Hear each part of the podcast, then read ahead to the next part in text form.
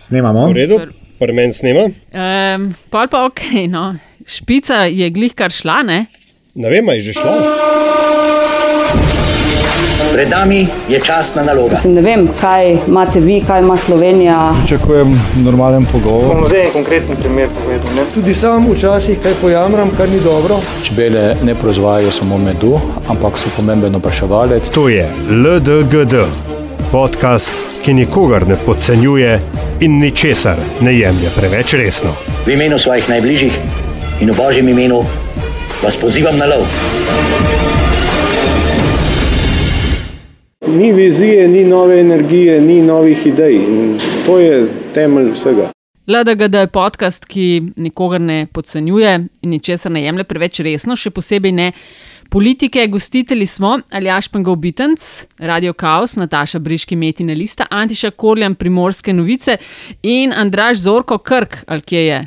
Antiša, ti veš. Uh, pula, pula, na celini je uh, fažana, fažana.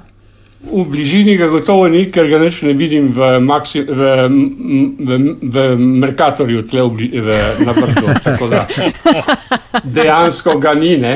Potrjujem. Fizično je pa avtor naše naslovne, eh, naslovne fotke in uh, Pavle, to smo skrivali, uh, pa si se takoj razkril, poseben gost, Pavel Gantar. Uh, Pavle, pozdravljen. Lep pozdrav. Svoje čase um, minister za okolje, pa minister za informacijsko družbo in tudi uh, predsednik državnega zbora, zelo visok gost in smo zelo počaščeni, tako da lepa hvala, da si si vzel čas. Prvi gost v zgodovini um, LDGD-ja. Uh, kakšne so uh, Kakšni so vaši občutki in pričakovanja? Moje pričakovanja so kot vedno velika. A visoka pričakovanja imaš, da nekaj, to sam Eh, izvajaš pritisk. velika, drugi visoka, kakorkoli. To pritisk izvajaš na nas, Pavle. Ja. Um, Dobro. Sam ena stvar, čist na začetku. Jaz te tikam, ker Seveda. Sva, aj, ti povej, kako si. Vsi uh, se, vsi se med seboj tikamo, to smo se že do zdaj in se bomo tudi naprej. No? Ti, ti je ok to. Ja, seveda. Nas veseli. Zelo. A ja, čak, Antiša, ti imaš pa pluralis majestatis. Ne, ne, jaz imam, eh, ne, jaz imam pritrdilno, pritrdilno mnenje, samo, uh, seveda, kot vemo, v Sloveniji se pogosto prehaja iz ene v drugo vlogo. Pavle je bil nekoč v nekih vlogah, kjer smo ga formalno vikali. Uh, in uh, moja teza je, da br, uh, poslušalec tega nujno ne ve, ampak z veseljem nadaljujem prakso uh, in se tikamo še naprej. Okay. No, okay. um, ja, potem pa nič, za nekako okvirno smo se zmenili za tri teme v tokratni epizodi uh, in sicer. Lokalni dopisnik, eh, Koper oziroma Primorska, skupne patrulje, Antiša. Ja, ne? ja. Ti si mal uh, anketo naredil med Folkom, ne? oziroma boš Nismo- to povedal, ja. kaj. Ja, ja, ja, počak. Dobro. Uh, se pravi, meja, potem komisarjenja, ne? od tega, kater komisarjat bi bil za Slovenijo. Uh, mogoče najbolj optimalen, in kdo na tem mestu.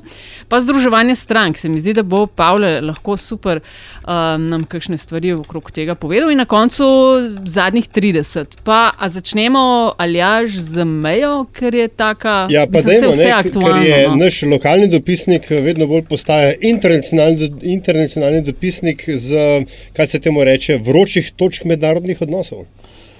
Ja, Antiša, povej, kaj se zdaj tam pri vas dogaja? Kaj pravi folk uh, glede teh skupnih patrulj na slovensko-italijanski meji? Uh, če pod terminom folk razumemo izvoljene, uh, izvoljene nosilce oblasti, potem lahko ugotovimo, da je folk, kot si rekla Nataša, absolutno večinsko stotstotno proti.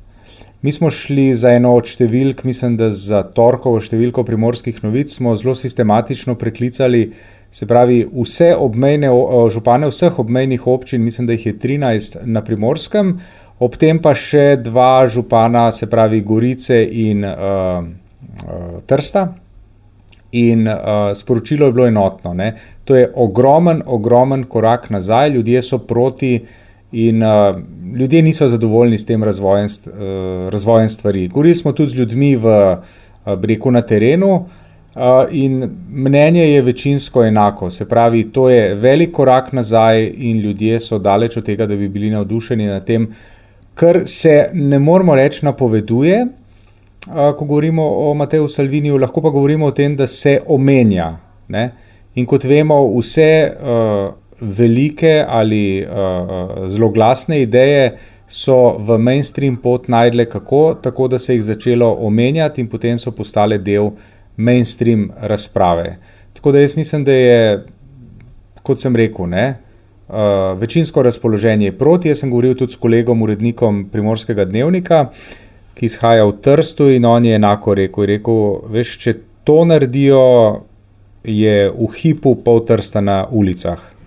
Čakaj, zdaj govorimo o skupnih patruljah. Ne, govorimo, o kakšni ne, nadgradnji sku- tega. govorimo o tem, o čemer je govoril Salvini. Skupne patrulje Aha. so nekaj, kar je v tem prostoru že bilo pred vstopom v Evropsko Ja. unijo in kasneje pred Schengenom. Uh, ampak seveda gledamo korak naprej in se pogovarjamo o tem, da bi nastal ta uh, zloglasni zid, ne? oziroma ograja. To pa so ljudje zelo, zelo, zelo nezadovoljni s tem. Ne? Antiša, eno, eno vprašanje, pa seveda z razumevanjem in um, spoštovanjem vsega, kar je bilo rečeno, ne? ampak ko človek gleda Salvinijeve poteze, a, se zdi vedno večji razkorak med izrečenim in uresničenim. Um, recimo, imeli smo zdaj primer um, tele ladje in um, te kapitanke, ki Ja, je ja, ja. pristala v Lampeduzi, pa po vsem tem, kar ne smo, ne sme, ne vem kaj in tako dalje, je pač. Um, je, šla, no, je, je pristala, sicer oblasti so naredile, kar so naredile, ampak zdaj se ona brani svobode. Ne? Vsta, se pravi, uh, udarc uh, države, ki ga je Salvini obljubljal, se zaenkrat ni materializiral. V končni fazi v odnosu do, do Brusla in um, italijanskega budžeta um, se je, so zdaj italijani nekako vendarle. Ne bom rekel pokleknili, ne, ampak so našli nekak način, da so ostali znotraj teh okvirov, ki jih je Evropska komisija dolo, določila, ne glede na vse zaobljube, da eh, klin zgleda Evropa, bi bomo delali po svoje itd. itd. Skratka, ja. moje vprašanje je, ali Salvini blefira? Um, mislim, to, to ni vprašanje, zveni preprosto, pa odgovor pa ni tako zelo preprost. Jaz mislim, da on ne blefira. Jaz bi spomnil podobno, podobno retoriko, smo z enega drugega političnega pola pred leti spre, lahko spremljali v Grčiji, vemo, kako se je stvar končala. Um, enako se bo uh, precej verjetno končala tudi v Italiji, je pa res nekaj. Ne? Mi ne smemo pozabiti, Salvini je tudi v mednarodnih očeh, oziroma v očeh mednarodne javnosti, ta hip de facto najmočnejši politik v Italiji, najvplivnejši človek v Italiji. In uh, to tukaj pri teh njegovih izjavah gre, po mojem, jih je treba gledati tako v funkciji kuhane žabe. Ne? Se pravi, z malimi, malimi koraki se javnost senzibilizira za ta način razmišljanja in ta način retorike. In jaz mislim, da gremo v to, se pravi, govorimo lahko o tem.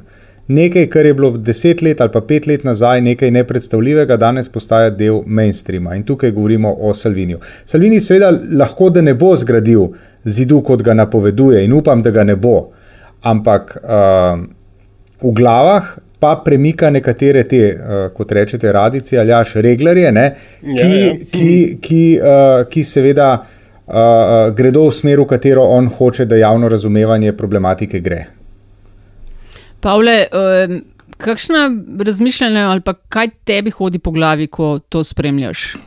No, napoved teh eh, mešanih patrulj me pravzaprav eh, je pustila precej hladna, eh, hladnega. Namreč take zadeve so se že dogajale, se dogajajo tudi z drugimi državami, to počenja Italija. Seveda, tisto, kar je pa res eh, lahko problem, je predvsem to, eh, da ukolikor bi ne, te patrulje bile v, na, v navednicah neuspešne, ne, da bi potem začeli postavljati fizične ovire na meji med Italijo in Slovenijo, to pa je seveda nekaj popolnoma drugega in to bi eh, lahko bi rekli eh, močno vplivali na življenje na tej in na oni strani meje. Zato sem jaz eh, pripričan, da bi morala biti res velika, velika begunska kriza, da bi se kaj takšnega zgodilo, ker od takšne prepreke, ne, fizične, bi imela uh, tako slovenska kot italijanska stran veliko, veliko škode, ne samo simbolne, politične, ampak tudi materialne. Jasno je, da je klasični ugovor vseh, ki pravijo, uh, zakaj uh, patrulje, mešane patrulje na italijansko-slovenski meji, temu zaščititi slovensko-hrvaško mejo. Uh, to seveda je lahko reči, je pa to težko iz, iz, izvesti. Ampak eh, kljub vsemu, ne, tist, kjer je Salvini že dosegel svoj veliki uspeh, je, da je prehode iz eh, Hrvaške v Slovenijo in Slovenijo v Italijo že definiral kot velik migranski problem.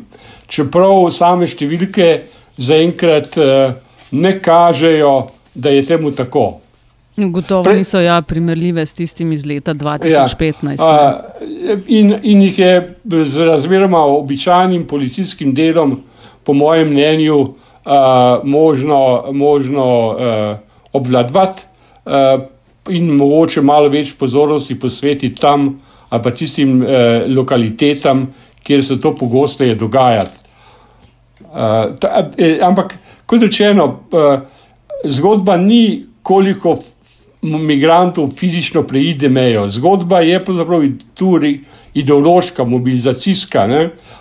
Zgodba o ogroženi Italiji, zgodba o, o, o tem, da bo pač vzela eh, usodo svoje roke in tako naprej.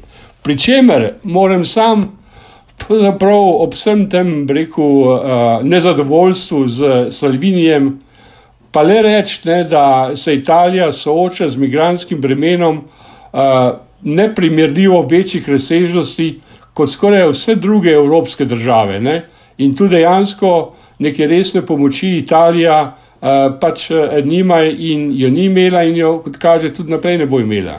A veš, da smo o tem, če se spomniš, ali jaš pred mm -hmm. časom v Evropski četrti klepetala z Mojco Širok, nekdanjo to, ja. dopisnico Isto iz Rima, povedala. kjer je točno to rekla, ne, da so 20 let prosili italijani za pomoč, ne, In zdaj se imate nič, zdaj so in zdaj Salvini. Tako. Je Salvini rezultat teh neuspešnih prošenj. ne? Ir, ironija tu seveda je, da tisto, kar bi Italiji najbolj pomagali, so eh, tako imenovane begunske kvote, ne, ki jih pa blokira Salvinijev najboljši prijatelj Viktor Orban. Ne. Ja, seveda. Uh, Pričemer je bi rekel, seveda, begunske kvote so v redu zadeva. Jaz, jaz mislim, da so dobre. Slovenija bi lahko celo sprejela večje kvote.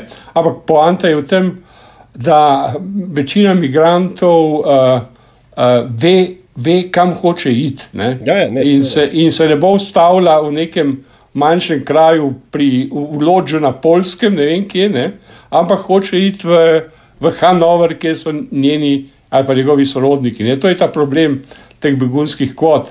Uh, tudi če jih razporedimo na, na, na vse te države, se bodo prej ali slej znašli tam, kjer, kamor pa želimo iti. Stvar je dost, eh, dost, dost problematična, dost zapletena in bo trajala uh, uh, zelo, dolgo čas, zelo dolgo časa, da se bomo lahko, da jo bomo lahko ali pa da se jo bo lahko rešilo. V tem trenutku ne vidim neke prave reš- rešitve. Uh, pritisk eh, na meje Evropske unije se bo postopoma iz razno raznih razlogov kvečemu povečeval, ne zmanjševal. Antiša, v času, ko bomo to epizodo objavili, mislim, da si omenjal, da Salvinija boste imeli uh, čez mejo. A kaj veš? Ja, Salvini prihaja, v resnici prihaja v Trst, kot mislim, da danes pišemo na nekem naslovu, podpreti ma- mađarska vlaganja uh, v Trst. Ne. Seveda pa ne dvomim, da, ne bo, da bo izkoristil priložnost, pa kaj povedal tudi na to temo. Pa, klej, pa dobro, se klej, klej spet ta hec, no, vse to, kar je pač Pavli že rekel, ne, da gre v bistvu za oblikovanje narativa. V primerjavi z vsem a, prihodi, število migrantov, ki prihajajo v Italijo čez Mediteran, slovensko-italijanska meja v resnici ne, pač sploh ni problem. Ne. Je pa pač samo nekaj, kar, kar, je, a, la, kar lahko zaneti dodatna čustva. Ma veš, kako je Aljaš? Ne? Mislim, seveda ni problem. Ne? Tako kot, mislim, problem je na enaki ravni, kot je slovensko-hrvaška meja problem za Slovenijo. Bi jaz rekel. Ne? Tako da zdaj, a je problem ali ni problem? Mogoče, mogoče celo Ja, povej, izvoli. Mogoče celo na ma manjši problem je eh, za Italijane eh, slovensko-italijanska meja, eh, kot za nas slovensko-hrvaška meja. Če upoštevate, kaj se doživljajo na Jadranskem morju, koliko ljudi in ladij in tako naprej prihaja. Tako da, ampak eh, sej ni pomembno zdaj, kot sem že prej omenil, ni pomembno, koliko beguncev pride. Da, eh, tako kot je rekel, eh, kot je bilo rečeno, ko se vzpostavi nek narativ, eh, begunsko sovražen, ne, je ta tisti, ki konstituira breko ukrepe in zagotavlja legitimiteto te oblasti. In to Salvini seveda dobro počenja. Ne? Vprašanje, seveda, ki se potem tukaj širše odpira, je, ali je um, ta, um, kaj je to. Um, Razsuvanje, ne, oziroma dekonstrukcija Schengena, ukolikor ta obstaja še razen eh, drugač kot na papirju, in mora biti na begunska, ponovno begunz, begunski val in tako dalje. Ali so to stvari, ki bodo definirale eh, tudi prve tedne, mesece eh, nove, nove Evropske komisije. A se vam zdi, da je Evropa kakorkoli bolje pripravljena na te stvari, kot je bila pred točno petimi leti? No, jaz bi rekel, da je Evropa glede tega nekoliko bolj izkušena, ne, v slabem in dobrem pomenu besede, da pa je bolj pripravljena, pa ne vem. Če bi želeli eh, ohraniti šengiško meje, potem je jasno, da bi morali eh, vzpostaviti močan nadzor nad eh, zunanjimi, meji zunanjimi mejami šengenskega območja, z skupnimi enotami in tako naprej. Tu ni nobene dileme. Vendar tega, tega Evropska unija ne želi posebej, tega tudi članice ne želijo posebej in tako naprej. Tako da obstajamo v nekem pol svetu, ne, ko je. Ko je Schengen formalno še obstaja, ampak dejansko so, je njegova usoda že odpisana, lahko bi rekli. Mogoče bomo imeli. Uh, in uh, jaz mislim, da je da Schengen pravzaprav uh, je rekel, na nek način začel umirati, takoj ko je začel tudi živeti. Ne? In uh, uh, če ne bojo vzdržali, rekel, uh, zagotovilo znotrajnega šengenskega območja, prostega prehoda meja, se potem seveda postavljajo pod vprašanje tudi vsi drugi dolgoročni cilji uh, Unije, Evropske unije, in uh, mislim, da se prav temu premalo pozornosti posveča na ravni Evropske unije, in zaenkrat vprašanje uh, ravnanja z begunci vendar ne prepuščajo uh, državam članicam v preveliki meri, pri čemer seveda najbolj nasrkajo tiste države članice, ki zaradi svojega geografskega položaja uh, dobijo več migrantov, uh, in več, eh, oziroma beguncev. Uh, Pavle, no pa smo pri uh, Evropski uniji. Te dni se postavljajo strukture prihodnje sestave, uh, Evropska komisija in najpomembnejša vodilna mesta. Um, za Slovenijo me zanima konkretneje, kaj po tvojem mnenju ti si se ukvarjal s takšnimi ministrstvi, ki, za kere se zdijo, ma ne zdijo, so nova črna in okolje, in informacijska družba, uh, digitalizacija in podobno, je veliko pozornosti deležno. Kater komisarjat, ne vemo še točno, koliko jih bo, kakšne bodo imena in tako dalje, bi pa po tvojem mnenju moral biti tisti ali pa en, dva, tri taka mesta, na katera bi Slovenija po tvojem uh, bilo fino, da bi štartala. Jaz sem vedno v dilemi, še sam nimam dobrega odgovora na vprašanje, kaj je bilo pomembno. Ali teža samega komisarjata ali pravzaprav kvaliteta človeka, ki, ga, ki zaseda vodilno mesto oziroma mesto komisarja. Ne? Če bi šli po teži, potem seveda nobene dileme ni. Finančna teža seveda govori o tem, da je v tem smislu najbolj vplivno ministrstvo oziroma komisarjat, ki se ukvarja skupno agrarno politiko in podobnimi zadevami, potem razne uh, komisarjati, ki se ukvarjajo z regionalnim razvojem, regionalno politiko, energetiko, eh, prometom in podobnimi, eh, tudi z digitalizacijo. Eh, okolje je že vedno bolj na repu od vsega tega. Ne? Okoljaši so tisti, ki rešujejo probleme drugih, in, in nikoli niso uspešni. In to so seveda najbolj značilna, značilni resori, kjer bi se splačalo imeti svojega človeka. Vendar, ne, še tako dober, močan, uh, močan, uh, uh, mo, mo, močan komisarjat, recimo za kmetijstvo, ne pomeni dosti, če imaš tam brezbarnega človeka ali človeka, ki, ki uh, se ne izkaže. Ne.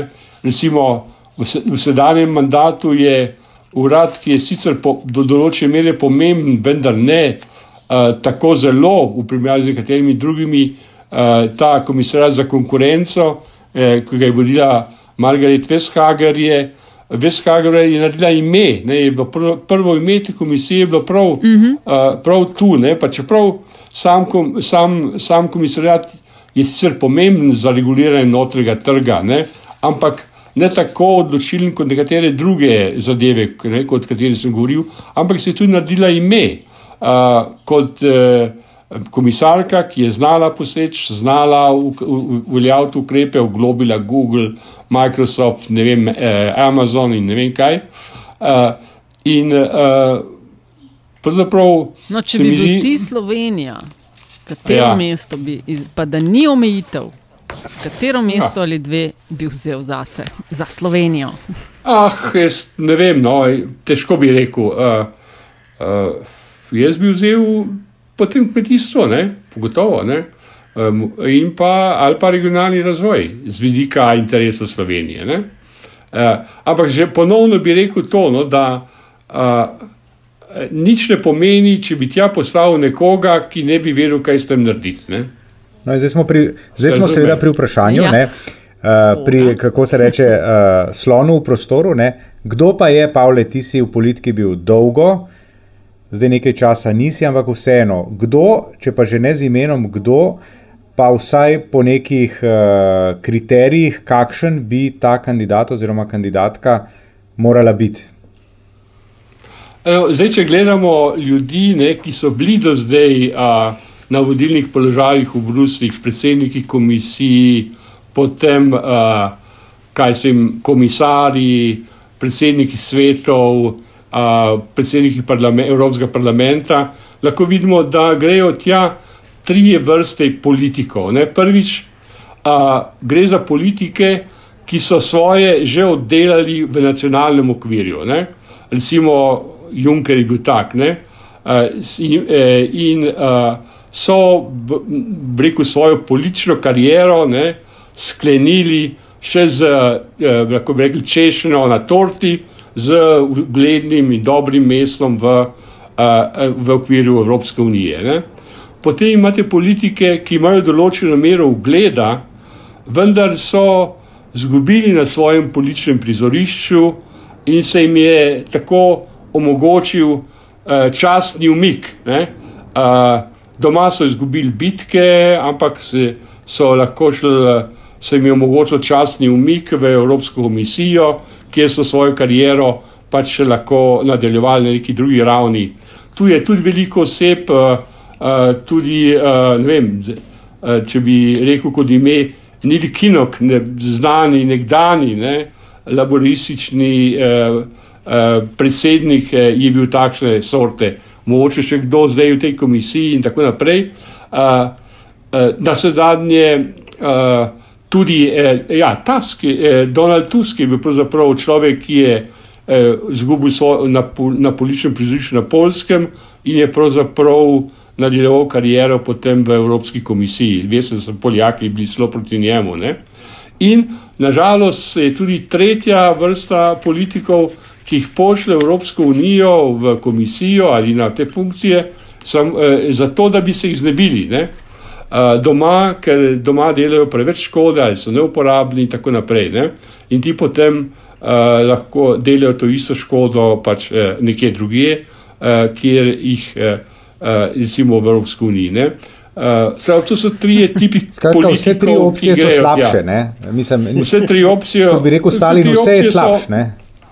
Ja, pravzaprav eh, politični teren Evropske unije do zdaj še ni proizvedel nekega avtohtonega evropolitika iz političnih inštitucij uh, na vzven. Uh, tu gre, Evropska unija je vendarle še vedno zveza držav. Ne? In, in, uh, in uh, kot rečeno, uh, mogoče je uh, še najbolj uh, uh, primeren so tisti, ki so ugotovili, da so svoje upravljali v svoji politiki v nacionalnem okviru in da bi zdaj še malo to delali v evropskem okviru. Ne?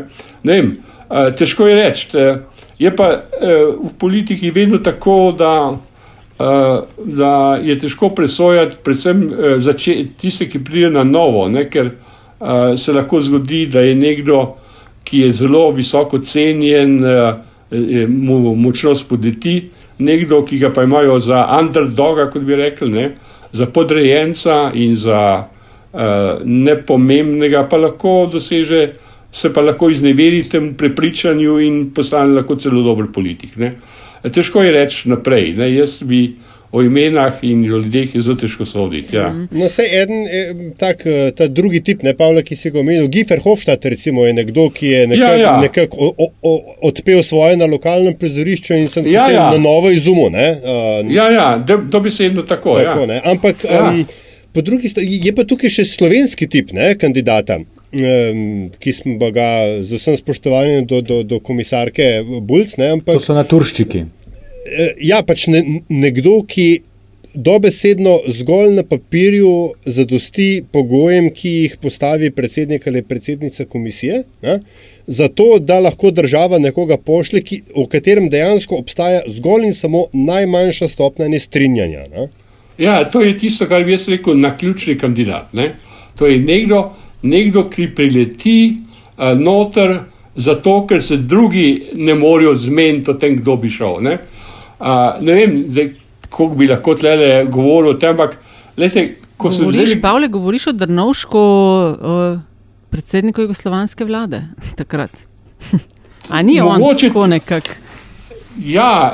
Uh, Torej, tisto je bila takrat specifična. Bulc moral biti, ne? Ja, je takrat je bila specifična zgodba. Bulc ja. je bil, Bulc je bil medijsko razsud, uh, uh, mladina ga je, ključno takrat še z mojim, te, rekel, sodeloval pri tem, ne, ga ja. je medijsko razsula in to je odprlo pot uh, nekemu drugemu kandidatu. Ne? Ampak tisto, kar se hoče reči, gledajte, ko so na mizi funkcije ne, za, Evrops, za pomembne evropske funkcije, se vsi zaletijo tja in uh, drug, drugega, ovir, drug drugega ovirajo, da bi nekdo dobil to funkcijo. Te funkcije se razdelili.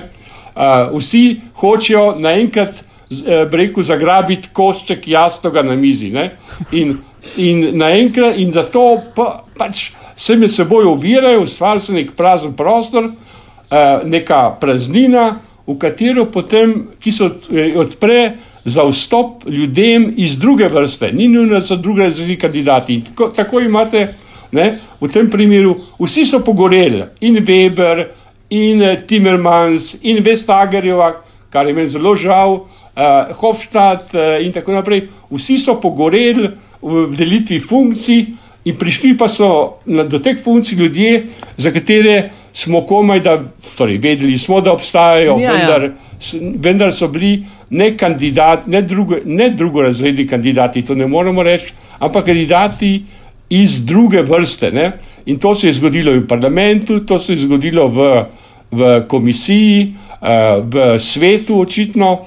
In uh, tako da, rekel, v politiki velja, da mogoče, če hočeš napredovati v politiki, ni dobro, ne, da si med najboljšimi in najbolj preferiranimi kandidati. Ne. Če pa že si, če pa že si. Pa... Boljše, da, da, da jurišaš iz zatišja, tako kot pri kolesarstvu, ne, da te pripeljejo do stotih metrov, potem pa ti poženeš. Ne. No, to sem še, samo še hotel izkušnje oziroma pač preteklost uči.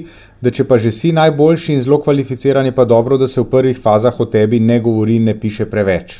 No, to, je, to je vedno tako, da so prvi kandidati vedno tisti, za katere se šteje. Eh, prvi eh, kandidat, imena, ki se prvo pojavijo, se pojavijo zato, da se jih, eh, lahko bi rekli, v narekovaju ubije oziroma odstrani, uniči. Ja, ampak, recimo, ra ravno to se dogaja seveda v Sloveniji, ne? ker vsa imena, ki so najprej zaokrožila glede možnega komisarja oziroma komisarke, so bila tako v neke vrste tem Mexican standoffu, ne? en drugega so med sabo streljali, pa še Šarc je mrčkem pomagal potem na, na, na vse strani. Za čist vsadzga se je našel vsaj en razlog, zaradi katerega pa ta oseba pa nikakor ne more biti komisar.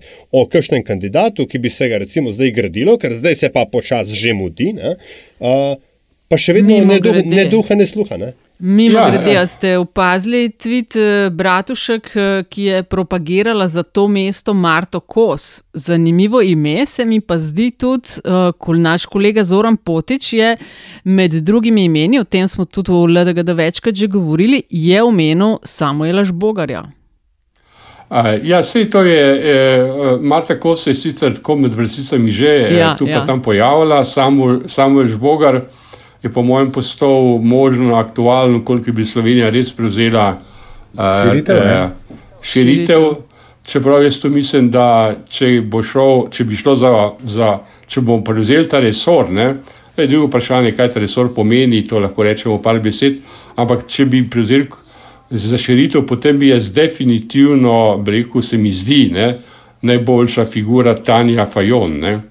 Ta je, to eh, utemeljujem s tem, da je, ko sem bil predsednik državnega zbora, sem obiskal Makedonijo, Albanijo, se srečal tudi z vem, predsedniki uh, uh, Kosova in vsemi temi, vsemi balkanskimi predsedniki parlamentov, če bi rekel, in v Albaniji, Kosovo, Kosovem in Makedoniji, je prav vprašanje bilo, kako je kaj po Tani Fajon. ne. Ja, Ta, ja. kak, kako je Tanja Fajon. Ne?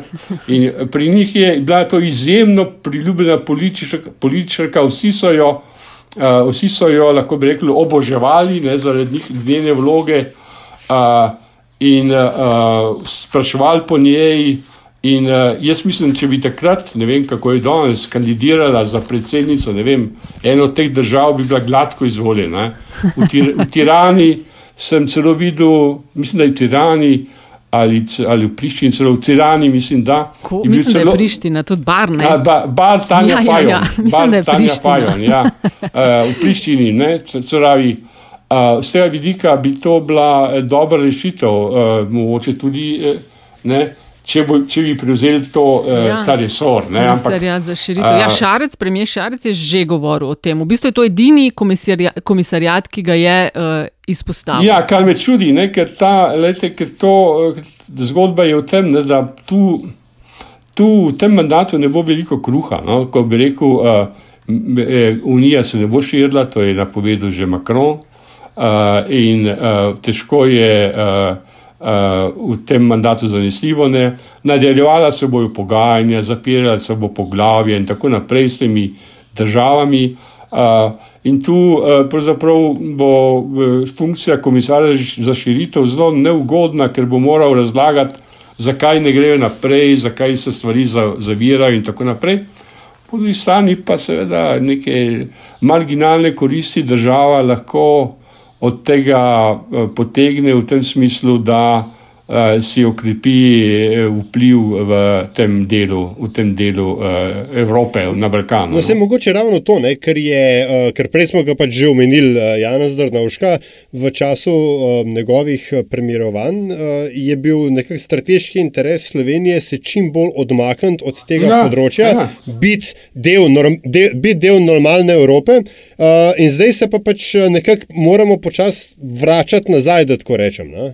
Eh, Ja, zdaj, seveda, mi smo takrat, uh, uh, vsekakor, rekel, stremeli, ne, eh, cela vladna politika eh, in sicer sploh državna, ne, je s te- s čim prejšnji vključitvi, predvsem v Evropsko unijo, NATO tudi in ta- in tako Ja, ja, naprej. seveda. Zato, uh, zdaj, uh, vsekakor je eh, dobro imeti. Uh, Dobro imeti uh, dobre odnose na tem prostoru. Ne? Z, ni, s tem prostorom smo seveda povezani zgodovinsko drugače in, in sploh ne, tudi, med, tudi osebno uh, in ga dobro poznamo in oni poznajo nas. Uh, vendar uh, jaz nisem prepričan, da je, da je ta resor no, uh, za širitev tako pomemben. Ne, in jaz bi osebno, seveda, rajši uh, videl kakšen drug resor, ki bi ga Slovenija prevzela, ali digitalizacija, ali konkurenčnost, ali ne vem. Regionalna politika, ta bi bila zelo zanimiva. Ja, tukaj imajo Hrvati, ne, In- re- regionalne politike imajo svoje Ja. interese. Ne. Absolutno, ne, uh, tu je, to so dobre stvari. Ne. Zdaj, je pa vprašanje, seveda, eh, kaj hoče tudi drugi ne, in kako se, bo, kako se bojo med seboj pravzaprav uh, uh, dogovorili. Tu je vedno tako, da včasih ne može biti, eh, seveda, nikoli ne može biti prav, tiste, prav vsega, kar bi si želel. Ne. Razen če si francos ali nemec. Je pa Potem tako, poveš, kaj no, bi. To je pa zdaj jasno. Ne. Ne, ali jaš, potem poveš, kaj bi. Tle pa, tle, tle pa, zdaj, tle pa zdaj jasno. Ne. In je Evropska prav, da je unija- tako. Evropska unija, torej Nemčija in Francija sta, rek, sta pač pre, preprosto prevzeli komando. Mm. In tu je, tu zdaj se ne bojo več igrali. Ne. A bolj so se to izkušnje z vzhodnoevropskimi državami in tako naprej, ampak uh, očitno so ugotovili, ne, da, uh, da, da, da z to Evropsko unijo ne bi oni preveč eksperimentirali in da je treba os- osloniti na to eh, os Nemčija, Francija, zdaj pa drugi pa ali greste, ali greste, sku, ali greste po tej poti ali ob tej poti, ali pa se z vami ne bomo preveč ukvarjali. Ne? Uh, in iz tega je, je zato tudi dosti jasno, da ni v teh eh, naboru teh kandidatov, ne, oziroma oseb za vodilna mesta, komisija, svet parlament in Evropska banka, da pravzaprav ni nobenega vzhodoevropskega kandidata ali kandidatke. Ja, ampak, a ni- oprosti, ampak ni to, mislim, jaz se kle ne bi strinjal s tezo, da sta Francija in Nemčija dobili, kar sta hoteli, ne? ker je ravno dejstvo, da eh, so vsi trije špicni kandidati pogoreli, rezultat te op, pač, um, No, blokira, ne. blokiranja. Vso, vzhodna Evropa je dobila, kar je hotela. V, No, to se hoče dodatno ja. reči. Te, te, te, Vzhodna Evropa je dobila, ker je zblokirala Tako. špicne kandidate. Webera, uh, Timmermansa, predvsem, ne, uh, in hkrati izgubila, ker, uh, ker uh, noben od njenih kandidatov, ne, iz kandidatov iz teh držav, ni prišel v, o, v, na, na, na vodilne položaje v teh inštitucijah.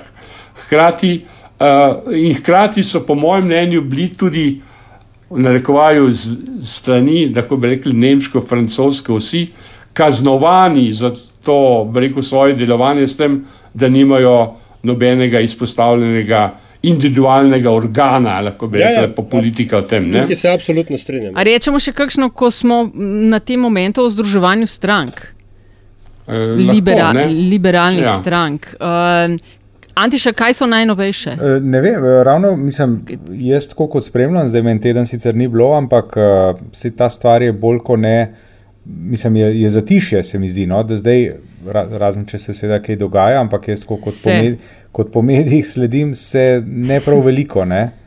Se v zadju se dogaja. To si pa mislim, tebe ja, to si pa nekaj, mislim. ne? Ali jaš tebe nekaj tišči? Ne? Ne, jaz sem hotel samo pripomniti, ne, da je pač naš današnji posebni gost uh, videl od blizu tako združevanje kot razdruževanje strank in je še posebej mm -hmm. kvalificiran Ja, to za, pa- za, za pogovor Ja, ja. o tej temi. Ne. Samo všesa so me. Ja, ja. ja nač zadnje, seveda govorimo. Pavle, o združevanju teh nekih liberalnih strank eh, na evropski sceni, Alde grupe v, um, kakor so govorice, v LMŠ, SMC v LMŠ dali, ne, kdo predsedoval SMC-ju, komu potem poslanci SMC, če se to res zgodi, bla bla. Ti imaš s tem, um, ne SMC-jem in LMŠ-jem, mislim, da, ampak uh, sicer z združevanjem in razdruževanjem uh, veliko izkušenj od blizu, tako rekoč iz prve vrste, si uh, bil del nečesa takšnega, tvoj razmislek ob tem. Ja, lej, včasih te, te izkušnje, ne, uh, tako pri združevanju, kot pri razdruževanju, koristijo, včasih pa mogoče tudi škodujejo, ne presoji sedanjih razmer. Druga zadeva je, prva zadeva je to, kaj je sploh še ostalo na prizorišču. Ne.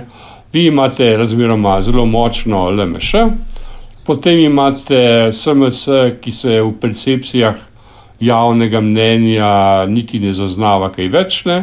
Uh, in imate očitno zelo deprimirane uh, uh, poslance in, predsednika, ki odhaja, in imate uh, kaj še SAP, stranko Lenke Bratušek, ki je, uh, se bori tam na robu med biti in ne biti.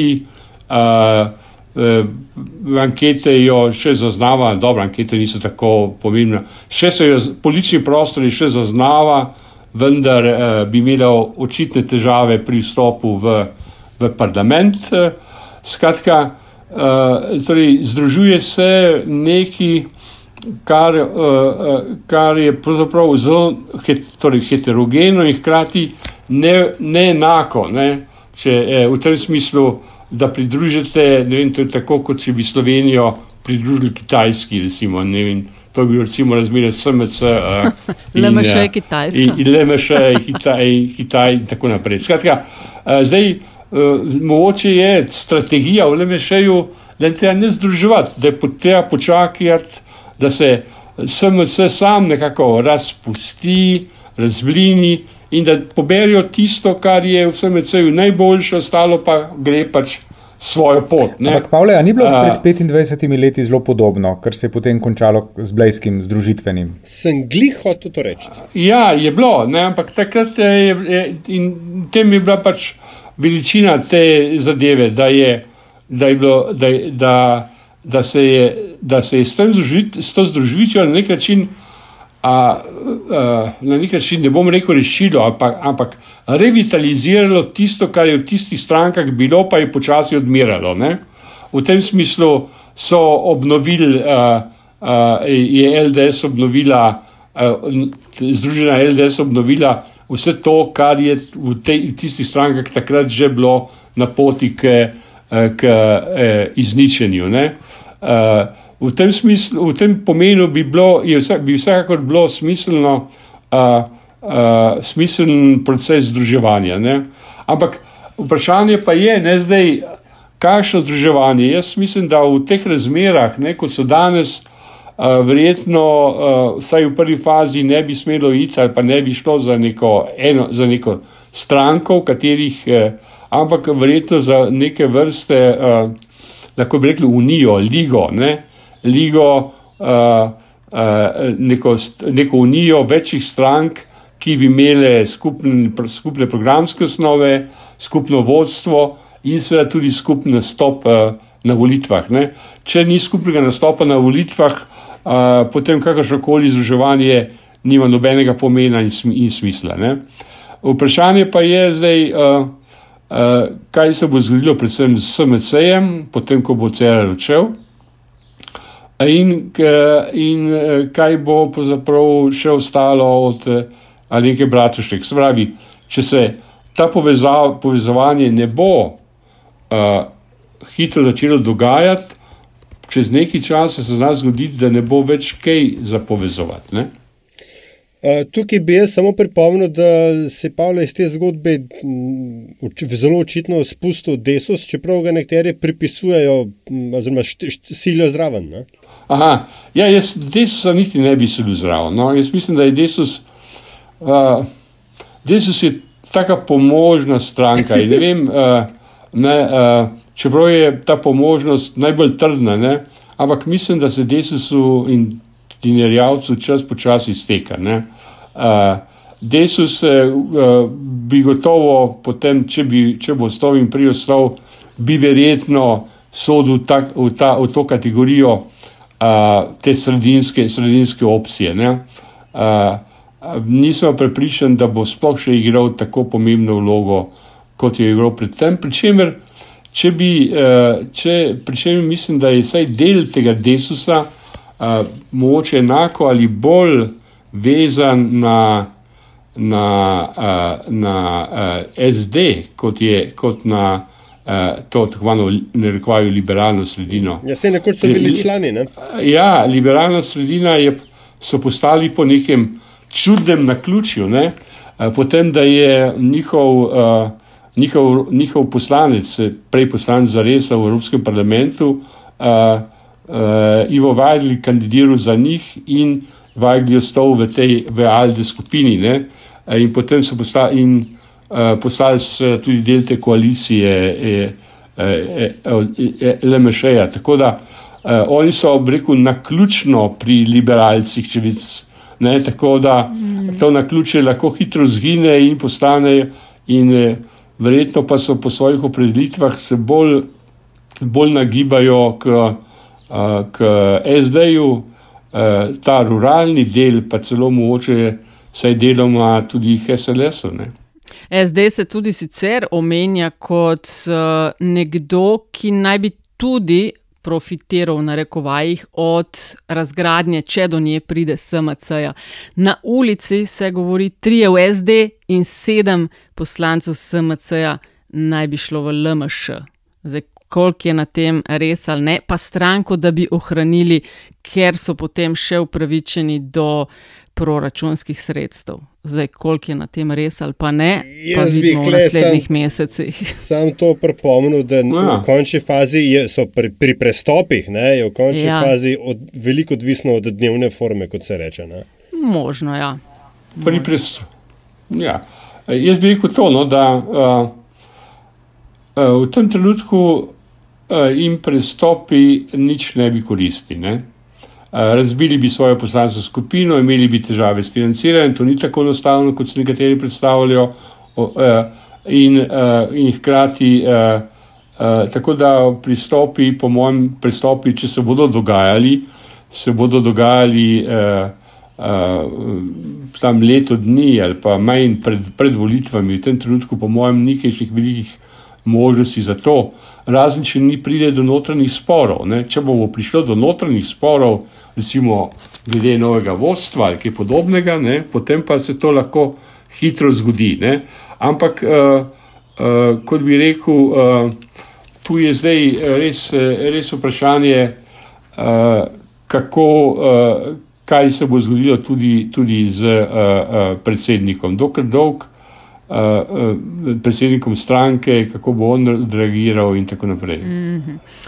Uh, gremo na zadnjih 30 No, še to bi rekel, Ja. ja. še to bi rekel no, uh, ja, gotovo. Ne, uh, treba je, uh, treba je pač, eh, pač eh, oceniti. ne. Uh, mislim, da je, če bi prišlo do delitev, bi se znala zgoditi ta razlika 7 proti 3 in tako naprej, kot ste prej omenili. ne. Mm. A Sedem vemo, LMŠ, kateri trije. trije so. Ne, vemo, ne. kateri. Mislim, da ni. eh, A? o- Od vsake, eh, jaz, jaz sploh jih ne poznam, ne, niti po imenu, tako da ne bi mogel eh, trditi. Menim pa, da od razpada neke stranke bolj kot ne profitirajo vse druge stranke. Še kdo želi k temu kaj dodati, ali je, gremo na, na piko na i, oziroma zadnjih 30? Pejmo. Antiša? Pejmo. Pejmo. Bom dal, Okej. bom dal prednost častnemu oziroma posebnemu gostu. Okay, se pravi, kdo se nam je mogoče šele pri 11. oddaji LDGD-ja pridružil, zadnjih 30 pomeni 30 sekund, ki jih ima na voljo vsakdo izmed nas, da pove karkoli v teh 30 sekundah želi. O tem ne parlamentiramo, ne repliciramo. Pavle, izvoli, tvojih 30. Ja, jaz sem zvedel za teh 30 sekund, ampak se načeloma in principijelno nisem hotel nič pripraviti na nje in bom pač govoril to, kar mi res v tem trenutku pade na pamet. Ne?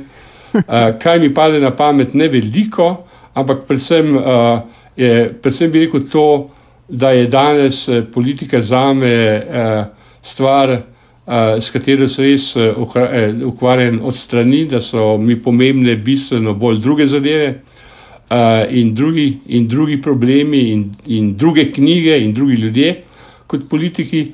Ampak, uh, kar zadeva politiko, bi pa vseeno svetoval vsem, ne, da staro dobro geslo, ni vse, ni, nobena juha se ne poje tako vroča, kot se skuha. In eh, ljudem bi rekel, naj se ne ženirajo in naj se ne sekirajo od, eh, zaradi politike. Ta je veliko krat manj pomembna in manj usodna za njihovo življenje kot nekatere druge stvari, na katere imajo sami večji vpliv. Eto, Odlično, aljaš. Ajde, da sem jaz že na vrsti. Joj. Ne vem, ali pa Antiša. Jaz imam čist poletno, tako da moje recimo, je čist za pač na ne, koncu. Po gre. mojih 30, ki se navezuje na uh, temo, od, um, pač, ki je v Sloveniji dominirala zadnje čase in sicer oduzem divjadi.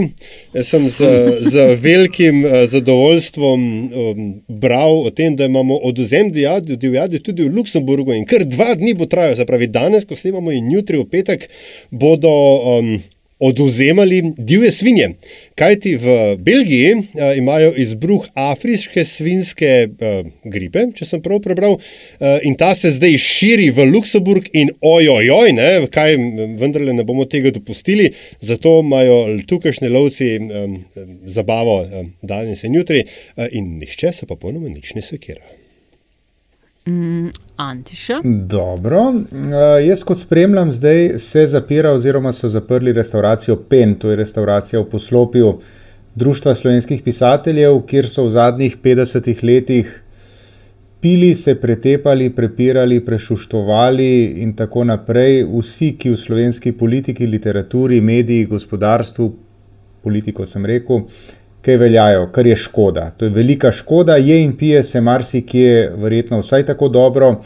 Ampak sedeti za mizo, kjer je popival, ne vem, Vitomil Zupan ali pa Dane Zajc ali pa Petr Božič ali Dušan Jovanovič, Jože Pučnik, kjer je nastajalo oziroma nastaja rolanje po sceni, tega pa človek danes res ne more nikjer več. Zato, spoštovani pisatelji, razmislite o tem, kar počnete.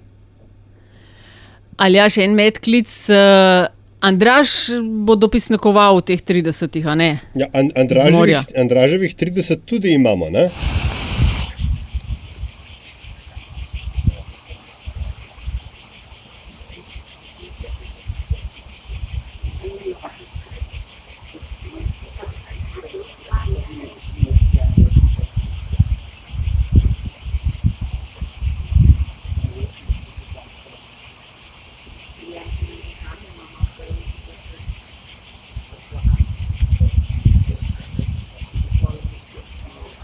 Ok, pol pa še mojih, ki so povsem poletna v iskanju pijače, ki me pri plus 35 najbolj osveži. Sem odkrila, ampak res super recept za, za vrhunski metin sirup. Za 3 litre rabiš 150 gramov mete, 2 litre vode, 2 kg sladkorja, 70 gramov citronske kisline in za lepo, kilersko zeleno barvo še žlica ali dve metine jedilne arome. Odličen je, povezavo, kaj in kako vse skupaj zmešati, priložim in kličem na zdravje. Smo pri koncu. Ja, tako. Ja. Menim, da je, menim, da je to to. Na, na zdravje. seveda. Dragi Pavle, najlepša hvala, ker si se odzval našemu vabilu. Super te je bilo gostiti, upam, da lahko še kdaj potrkamo na tvoje vrata. Seveda, in hvala tudi vam, posebej tebi, Nataša. Zakaj? Te, da te izpostavim malo pred obema drugima. In, in prav je tako. Zakaj? Prav je tako, tako je. Zakaj? Ne, ne, ne, to je skupni Jasno. uh, venture LDGD, tako da hvala vsem, ne, gremo.